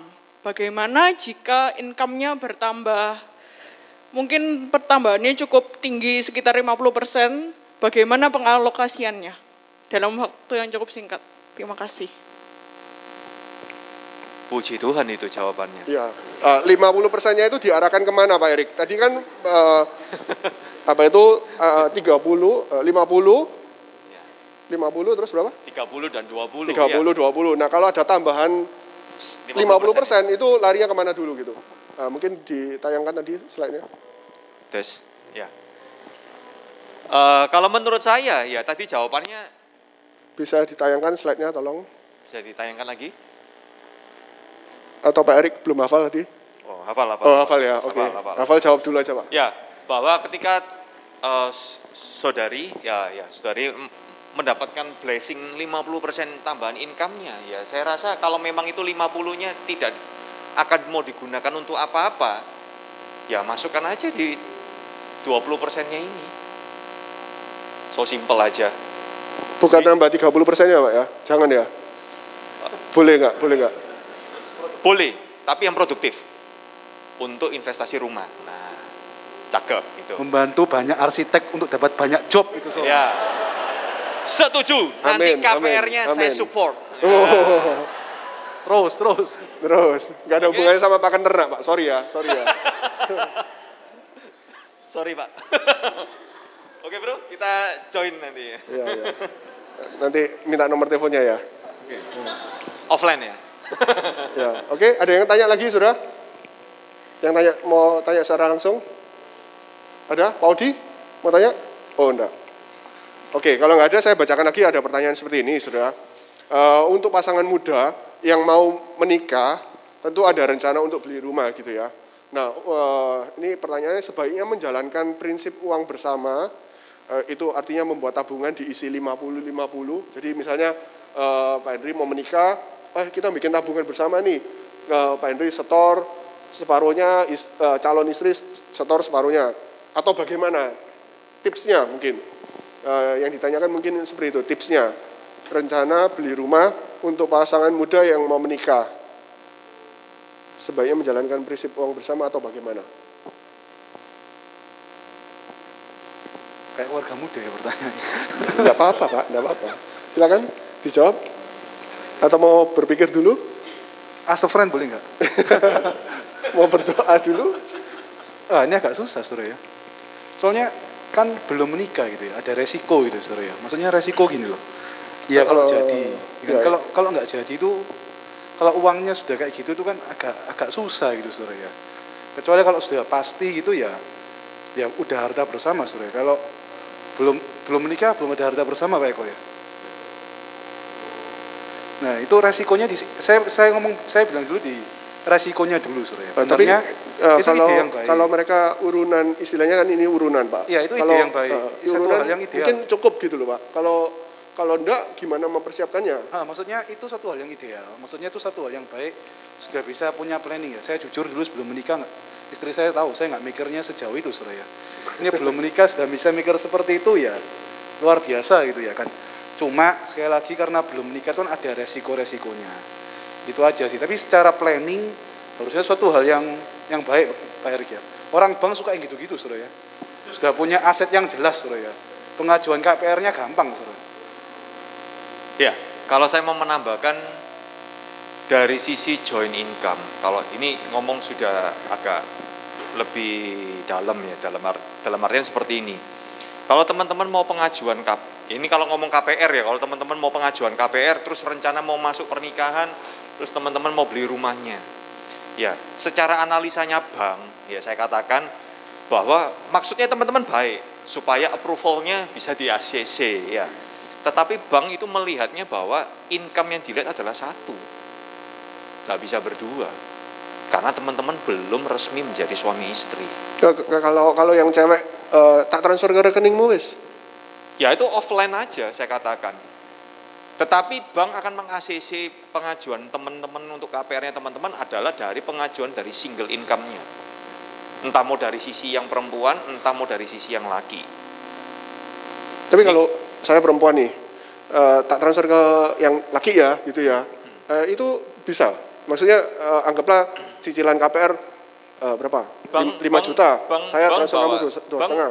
Bank hanya menilainya adalah dari single income-nya. Pak. Ya dari dari anu. Cuman kan income-nya mungkin sing laki in- income-nya kan lain gitu loh pak, maksudnya. Paham? Iya saya paham Pak. Tapi bank itu hanya akan menilai hanya Nah, dari di oke nggak? nggak akan diokein. Oh, tak transfer dua, sisanya nggak Dan sekarang kayak tadi Pak Hendri katakan bahwa ya kalau dia masih sama itu terus. Nah kalau kalau misalkan ini ngomong resiko yang muncul terus tiba-tiba nggak jadi, terus KPR-nya ini siapa yang mau ngelanjutin? Misalkan ini, let's say ya saya katakan bahwa ini ini ilmu praktisnya bahwa ketika teman-teman mau pengajuan KPR, ketika itu mau disetujui bahwa angsurannya teman-teman, income-nya teman-teman tuh harus minimal tuh tiga kali dari angsurannya teman-teman.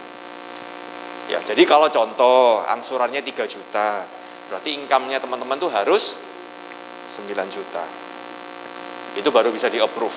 Meskipun teman-teman, oh nanti saya akan menggaranti pasangan saya, saya akan support pak. Nggak bisa. Legalitasnya nggak akan bisa. Meskipun kalian bawa secara notaris, nggak akan bisa. Kecuali sudah suami istri, lain cerita. Paham, Bapak ya teman-teman ya? Jadi ini ini kita ngomong praktisnya aja. Ya, Paham jadi- sih paham pak, tapi solusinya gimana pak? Ini kan orang minta solusinya pak, atau bagaimana? Eh? Atau bagaimana? Ini saya bingung Pak ya. Yang bulat itu yang tanya Pak, moderatornya agak bulat nih kelihatannya. Loh ya enggak yang bener yang tanya tadi sudah jelas apa yang saya sampaikan? Siapa yang tanya ini? Ayo ngaku aja. Loh, enggak apa-apa. Kalau belum jelas ya Ya, Solusinya ya, ya. Boleh, boleh, boleh, boleh. enggak apa-apa. Loh, maksudnya kan dia bingung nih, Pak, atau bagaimana caranya menjalankan ini tadi membuat tabungan diisi 50-50 atau bagaimana? Kalau dari segi bank enggak bisa, eh, solusinya apa, Pak? Mau beli rumah, mau menikah. Ya memperbesar DP. Itu aja. kurang yang surat. Mengurangi angsurannya teman-teman. Atau kedua, Iya, nek ada duit apa? yang kedua, teman-teman realistis dong. Beli rumah yang sesuai income-nya teman-teman. Ini saya katakan deep my heart. Ya, jadi teman-teman nggak nggak bisa ngomong. Saya kepingin punya ngomong rumah di Geraha, income saya hanya sekian. Ya tolonglah ya, please deh. Ya, ya teman-teman yang sadar diri, ya. Jadi ini ini Ini nek digabung nutut, Pak. iya Pak, saya I know. Nah, maksudnya dia sanggup. Ini Iya, saya tahu Pak. Belum resmi Pak. Ini Pak saya katakan Pak. That's the point adalah ini belum resmi keadaannya. Jadi kalau mau diperdebatkan pun saya tahu ini maksudnya Iya. pasangan suami istri ini baik. Eh calon ini iya. bisa, karena belum menikah. Anda paham nggak? Bertanya kira-kira paham nggak? Nggak usah ngikutin Pak Eko aja ini. Ini agak susah ini nanti. Kita offline aja Pak Eko. Karena Yang- memang solusinya nggak ada. Misalnya belum menikah nggak bisa di, nggak bisa dihitung bersama, nggak bisa harta bersama. Iya. ya ya udah jangan pakai Meskipun cara firman itu. Tuhan ngajari di akhir zaman Nah, harta bersama jangan pakai Pak. cara itu, pakai cara lain enggak apa-apa kan? Solusi cara lain. Ya, Tadi kan rumahnya dikurangi harganya. Ya, katanya. beli beli beli rumah yang lebih realistis untuk disesuaikan income-nya teman-teman. Kedua atau memperbesar DP kalau teman-teman punya income apa? Punya uang lebih. Saya katakan seperti itu. Yang ketiga, minta papa mamanya kalau memang ada. Yang keempat, minta Tuhan Yesus yang mencukupi saudara. Oke, eh, Menjawab teman-teman, kira-kira apa yang saya sampaikan ini belum menjawab nanti setelah pulang bisa hubungi Ya, Pak kita offline. langsung ya. Nah ini ada yang mau tanya lagi eh, Pak Erik, ada dua justru yang tanya ini. Oh enggak sih, eh, ya ada dua. Eh, investasi emas itu amankah? Terus yang kedua, trading emas amankah? Eh, mungkin silakan siapa mau jawab Pak Erik atau Pak Henry? Iya. Maksudnya emas itu dalam artian apa, saudara? Fisik atau apa? Itu jadi satu pertanyaan. Kalau misalnya fisik, ada resiko nggak? Ada. Resikonya itu bisa hilang karena fisik, kan seperti itu. Kalau paper aset, secara emas kita nggak tahu platformnya itu seperti apa. Karena kan sekarang saudara tahu apa e-commerce online itu pun dia bisa jual emas, ya kan? Di, eh, apakah itu ada fisiknya atau enggak ya saya nggak tahu saudara. Karena saya nggak bisa terlalu menjawab karena saya saya nggak nggak mendalami sudah saya nggak mempelajari tapi namanya investasi apa pun bahkan deposito pun ada resikonya saudara naruh uang di bawah bantal pun ada resikonya kan seperti itu saudara resiko apa pun ada resikonya emas kalau secara teori saudara ya yang saya baca itu lebih ke arah safe haven saudara ya. alat untuk menyimpan nilai secara jangka panjang emang emang emas itu naik karena dia itu safe haven benar ya bapak bapak Erik ya Nah, tapi kalau untuk investasi yang menghasilkan income, dia nggak ada passive income-nya. Tapi lebih, lebih ke arah kita aiming satu capital gain ketika dia naik-naik terus. Apakah bakal naik terus? Kita nggak tahu, sore. Karena kalau kita lihat all time high, sekarang emas itu bukan all time high. Bener ya Pak Erik ya? All time high-nya sudah beberapa tahun yang lalu. Biasanya emas itu naik banyak ketika resesi itu terjadi. Dibilang sebagai alat investasi bisa enggak? Kalau secara teori itu lebih ke arah alat lindung nilai. Seperti itu secara teori sore tapi bisa enggak ya seharusnya ya masih bisa-bisa aja Pak Erik ya sebagai ya. sebagai diversifikasi Betul. Jadi jawabannya kalau ngomong bisa, so pasti bisa. Aman, enggak? Pertanyaan Aman aman, aman. Aman ya. Ya, aman aman. Tapi ini sekali lagi bahwa ini investasi yang untuk long term ya saya katakan ya bahwa memang teman-teman ini uang dingin udah didiamin aja boleh. Tetapi apakah momen ini bisa terulang seperti ketika era orang tuanya kita? Menurut analisa saya pribadi, rasanya sudah nggak akan nggak akan bisa kalau nggak ada terjadi seperti Henry katakan bahwa resesi gejolak perekonomian secara makro. Lu bukannya sekarang resesi, Pak? Katanya ada prediksi resesi global gitu. Ya. Berarti berarti ada kemungkinan naik gitu maksudnya. Bisa jadi, saya katakan. Cuma ya Bisa jadi. itu tinggal instingnya teman-teman ya. Jadi saya katakan bahwa bisa aja. Segala kemungkinan masih bisa, bisa.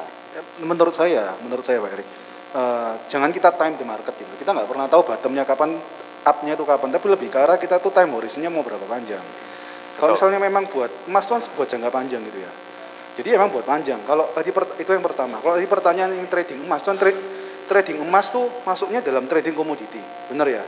Itu ada marginnya biasanya Ya. ya kan. Nah itu agak hati-hati, hati-hati resiko kena margin call itu juga beresiko saudara. Karena kalau trading emas tuh tiktokan saudara. Saudara belinya itu di future-nya, bukan di emas fisiknya. Nah itu antara saudara investasi emas dan trading emas itu totally dua hal yang berbeda. Ya. Kalau saudara investasi emas, saudara hold and keep and save sampai nggak tahu mau 10-20 tahun lagi seperti saudara beli rumah, saudara keep and save Ya. dan seperti itu. Kalau trading emas ya seperti saudara trading apa misalnya trading beras, trading ya cuma komoditasnya ini emas saudara ya. Nah itu TikTok TikToknya itu hati-hati karena apa? Ada namanya kalau sudah pakai margin ada margin call. Kalau kena margin call, saudara nggak injek itu uangnya habis. Saya jujur eh, ya banyak saudara mungkin sudah ditawari eh, perusahaan-perusahaan eh, pialang berjangka ditawari. Saya banyak sudah di beberapa hari yang ini di WA terus. WA-nya dari ngasih eh, hasil trading hari ini emasnya berapa berapa pip sama dengan berapa rupiah. Saya nggak ngeladeni sudah sampai ditanya apa kabar, sudah makan belum sampai saya bingung sudah. Sungguhan ada ya. Dia tahu Anda mangsa berarti Pak. Hah? Dia tahu Anda mangsa Pak. saya. Nah itu saya nggak terlalu anggapi sore karena saya nggak merasa saya cocok dengan profil saya untuk melakukan hal itu seperti itu. Jadi ya harus di adjust dengan masing-masing profil seperti yang dikatakan Bapak Eri. Oke, bicara tentang trading, ini ada pertanyaan gini Pak. Apakah trading itu dosa? Karena ada istilahnya trading itu zero sum game. Artinya ketika kita untung, untung kita adalah kerugian dari orang lain. Atau ketika kita beli saham di harga rendah dan jual di harga tinggi, artinya ada orang lain yang beli di harga tinggi. Nah, gimana? Siapa yang menguasai? Eh, saya nggak terlalu menguasai sore jujur. Cuma setahu saya ya, eh, correct me if I'm wrong sore. Setahu saya saham itu bukan zero sum game. Misalnya Trading nih Pak. Pertanyaan apakah ya, trading, trading itu dosa? saham itu bukan zero sum game. Trading Soalnya semua semua nu, saham Karena- atau apa? Oke, misalnya saudara trading gitu saudara, itu kan orangnya begitu banyak. Misalnya di Indonesia, itu per-peran. Jadi misalnya ada yang beli, ada yang jual. Kan seperti itu. Makanya ada saham-saham yang likuiditasnya itu rendah gitu ya. Sedangkan di Amerika, kalau saya nggak salah di Nasdaq atau Dow Jones salah satu itu ada namanya liquidity provider. Jadi orang di tengah-tengah. Jadi nggak nggak langsung per-peran gitu. Kalau misalnya di Indonesia, kalau kita jual harus ada orang yang beli. Kalau di luar negeri itu ada yang namanya di tengah-tengah itu, itu liquidity provider. Jadi berapapun itu pasti ada yang nalangi kasarnya seperti itu. Jadi kalau dibilang saham itu zero sum game nggak juga. Saudara beli 10, jual di harga 20. Orang beli di harga 20, Belum apakah tentu dia rugi. belum tentu rugi. Kalau dia naik ke 25, dia juga bisa untung 25. Yang beli 25 apa kakak pasti rugi. Juga belum tentu rugi karena dia tetap hold itu itu, itu, itu barang gitu. Jadi zero sum game saya rasa kalau saham sih enggak ya setahu saya ya seperti itu. Dibilang dosa atau enggak? Ya kalau bagi saya saudara ya Eh, orang trading saham seperti saudara trading apa? Kalau saya trading komoditas makanan ternak, ada yang mungkin tradingnya trading apa? Nah, palawija, ada yang trading bahan bangunan. Itu hanya trading saudara ya. Sama-sama dagang hanya berbeda apa komoditasnya. Ini paper asset saudara. ya. Mungkin orang yang eh, angkatan yang senior ya, mereka nggak nyaman dengan apa yang namanya paper asset karena suatu hal yang nggak tangible saudara ya, nggak bisa dipegang dan dilihat. Jadi ada keraguan gitu saudara. Tapi pada dasar secara prinsip tuh seharusnya sama hanya beda asetnya tuh. Satu yang tangible sama intangible. Padahal secara kepemilikan, saudara kalau ketika beli saham, saudara harus eh, kese ID-nya kan ada. Saudara buka di websitenya kese, masukkan ID saudara itu tercantum semua. Meskipun saudara punya 10 sekuritas, harusnya itu di kese ID itu, saudara buka, itu semuanya ada. Baik reksadana, saham, dan semuanya ada Bapak Erik ya. Ya seperti itu. Ya, oke. Eh, mungkin ada pertanyaan yang lain sudah? Ada yang mau tanya langsung? Ada yang masih belum jelas dari penjelasan narasumber? Ada? Ya, oke. Eh, karena tidak ada pertanyaan yang lain sudah juga waktunya sudah habis. Eh, ya kita mau akhiri uh, sesi tanya jawab ini mungkin dari Pak Hendri Pak Erik mau kasih kesimpulan Ya, intinya bahwa teman-teman di sini semua ketika teman-teman mau melakukan investasi pahamilah dulu produk yang akan teman-teman akan ambil. Ya, jadi jangan sekali lagi jangan pernah tergiur dengan yang namanya returnnya aja. Tapi pahamilah term and conditionnya itu seperti apa, tenornya seperti berapa lama, ya. Terus isinya itu apa, ya kalau teman-teman tidak ekspor atau teman-teman nggak bisa di situ untuk lebih dalam, mending jangan saya katakan. Daripada hatimu dan pikiranmu ada di situ, teman-teman tidur tak tenang, kerja tak tenang, makan tak tenang, ya, semuanya tidak akan menjadi tenang. Tapi kalau teman-teman bisa memahami cukup dalam, silakan. Ya, tapi kembali lagi diversifikasi ya, jangan full di semua dalam satu media investasi. Saya katakan itu aja. Ya, jadi supaya teman-teman bisa uh, lebih safe lah ya. Dan semuanya lakukan untuk short termnya seperti apa, yang medium mediumnya seperti apa hingga sampai yang long term seperti apa untuk investasinya. Dan dibalik itu semua teman-teman saya katakan bahwa berdoalah ya libatkan Tuhan di dalam teman-teman melakukan investasi, menabung, untuk memikirkan segala masa depannya teman-teman, libatkanlah Tuhan. Ya, di atas semuanya itu ketika teman-teman melibatkan Tuhan, yang terjadi adalah hanya miracle-nya Tuhan yang terjadi. Ya, percayalah dan teman-teman tidak perlu khawatir. Saya bacakan sebagai ayat yang tadi Pak Indri katakan supaya lebih afdol ya di dalam Mazmur 37 ayat yang ke-25 bahwa dahulu aku muda, sekarang telah menjadi tua, tetapi tidak pernah kulihat orang benar ditinggalkan. Atau anak cucunya meminta-minta roti. Tiap hari ia menaruh belas kasihan dan memberi pinjaman dan anak, anak cucunya menjadi berkat. Amin. Jadi itu adalah uh, janji Tuhan buat setiap kita bagi orang-orang yang mau berharap, mau bersandar kepada Tuhan, bahwa Tuhan tidak akan pernah meninggalkan engkau dan saya. Ya kalau engkau sudah sungguh-sungguh terhadap Tuhan, Tuhan pasti akan berkati. Dari Pak Indri? Ya kalau saya sih lebih ke arah kan kita hari ini bicara tentang personal finance Surya dan satisfaction apa namanya kepuasan ya Surya. Uh, yang pertama yang pasti Surya kita belajar berpada dan bersyukur dengan apa yang Tuhan berikan dalam hidup kita. Kalau kita punya Tuhan Surya dan kita tuh sungguh-sungguh sama Tuhan, percayalah Tuhan itu bisa dan pasti kasih yang terbaik. Amin, saudara. Amin. Tentang personal finance, saudara, bahaya terbesar hari-hari ini adalah kita bisa melihat kehidupan orang lain dengan begitu mudah. Dan garis bawahi, saudara, kehidupan yang palsu. Kenapa? Kalau saudara lihat di sosial media, apa yang ditampilkan itu adalah semua yang baik. Kan seperti itu. Nggak mungkin dong di sosial media yang jelek diposting. Yang pasti yang baik yang diposting. Dan sering kali kita mudah tertipu itu ya. Kita melihat orang lain kelihatannya hidupnya lebih enak kita iri, kita dalam menekuti panas. Akhirnya terjebak dalam hal-hal yang nggak penting, surya. Terjebak dalam investasi bodong lah, terjebak dalam apa? Iri hati dan lain sebagainya. Itu akhirnya hidup kita jadi sia-sia, surya.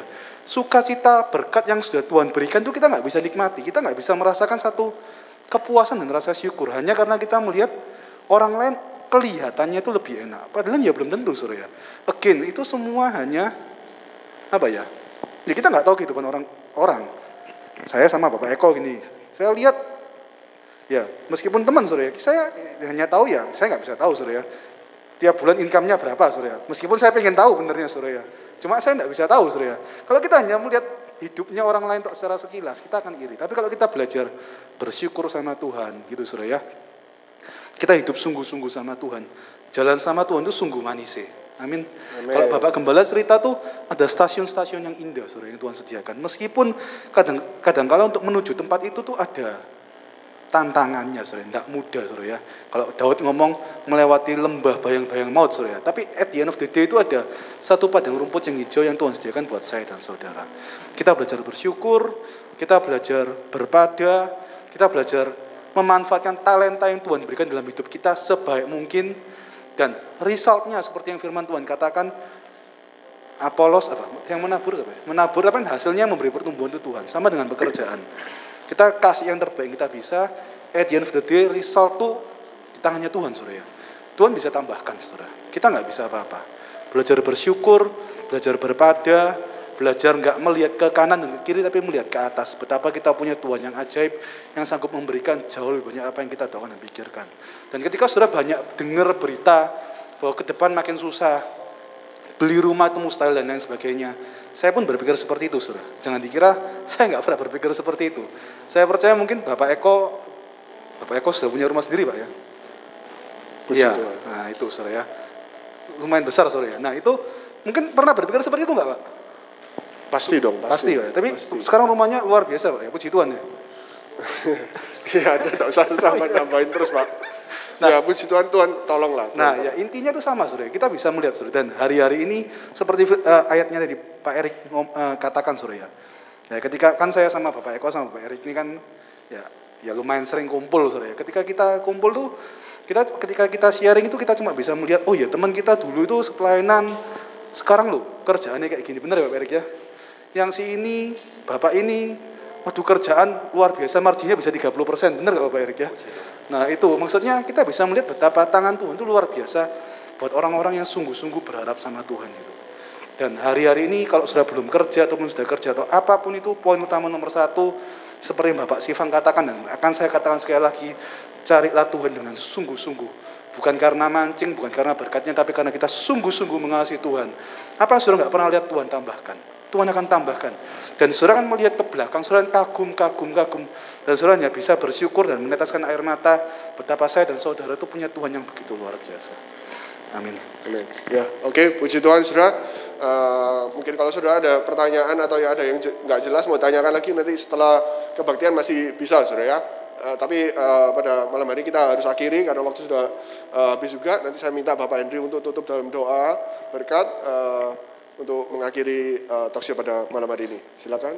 Mari kita berdoa, saudara. Ya, kita mau bangkit berdiri sama-sama.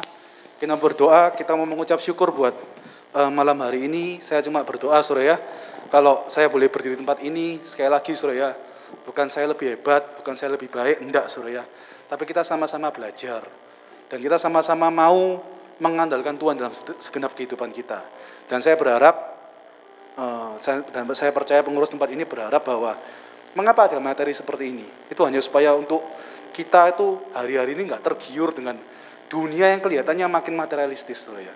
Tapi kita bisa bersyukur menemukan kepuasan dalam pekerjaan kita karena kita punya Tuhan Yesus. Amin, saudara. Dan kita mau berdoa sama-sama. Saya harap hari-hari depan seperti yang saya katakan, 5-10 tahun lagi ketika saudara sudah menikah, punya anak, saudara bisa melihat, oh ya dulu teman kita nih, teman sepelayanan, Tuhan berkati luar biasa. Saudara lihat hidup saudara sendiri, saudara melihat betapa Tuhan itu ajaib. Saudara lihat teman saudara yang dulu sama-sama pelayanan atau sama-sama ibadah dengan setia, sama-sama sungguh-sungguh mengasihi Tuhan, ada keajaiban-keajaiban, mujizat-mujizat Tuhan yang Tuhan nyatakan dalam kehidupannya. Dan itu menjadi satu kesaksian dan mengenapi firman Tuhan di Mazmur 37 tadi. Ya, ayo kita berdoa sama-sama. Kita mengucap syukur. Oh Tuhan Yesus, kami mengucap syukur Tuhan buat malam hari ini Tuhan. Satu malam yang indah Tuhan, kalau kami Tuhan boleh sharing Tuhan, satu dengan firman-Mu dalam hal keuangan Tuhan Yesus. Kami tahu Tuhan firman-Mu katakan, kami sebagai orang-orang percayamu Tuhan membutuhkan hal-hal itu Tuhan di dunia. Dan kami percaya Tuhan, Engkau Allah kami Tuhan, yang sanggup memberikan, mencukupkan segala kebutuhan kami. Bahkan Tuhan, sanggup memberi lebih daripada apa yang kami minta dan doakan. Kami mengucap syukur Tuhan, kami mengucap syukur. Ajar kami Tuhan Yesus dalam segala perkara, dalam pekerjaan kami Tuhan, kami selalu mengandalkan Engkau. Selalu berharap hanya padamu, bisa bersyukur Tuhan, memandang hanya kepadamu, bukan melihat kanan kiri kami Tuhan, menyebabkan kami iri, menyebabkan kami mungkin jadi panas hati Tuhan. Tapi kami mau melihat hanya kepadamu bahwa kami punya Allah yang begitu ajaib, yang mencukupi, memenuhi, bahkan memuaskan kebutuhan kami, Tuhan. Kami mau Tuhan, makin hari Tuhan, kami makin mengasihi Engkau Tuhan, bukan makin mengasihi dunia dan isinya Tuhan. Makin hari Tuhan, makin mata kami makin memandang kepadamu, makin mengasihi Engkau, makin melekat kepadamu Tuhan Yesus. Jadikan kami Tuhan orang-orang yang berbeda Tuhan.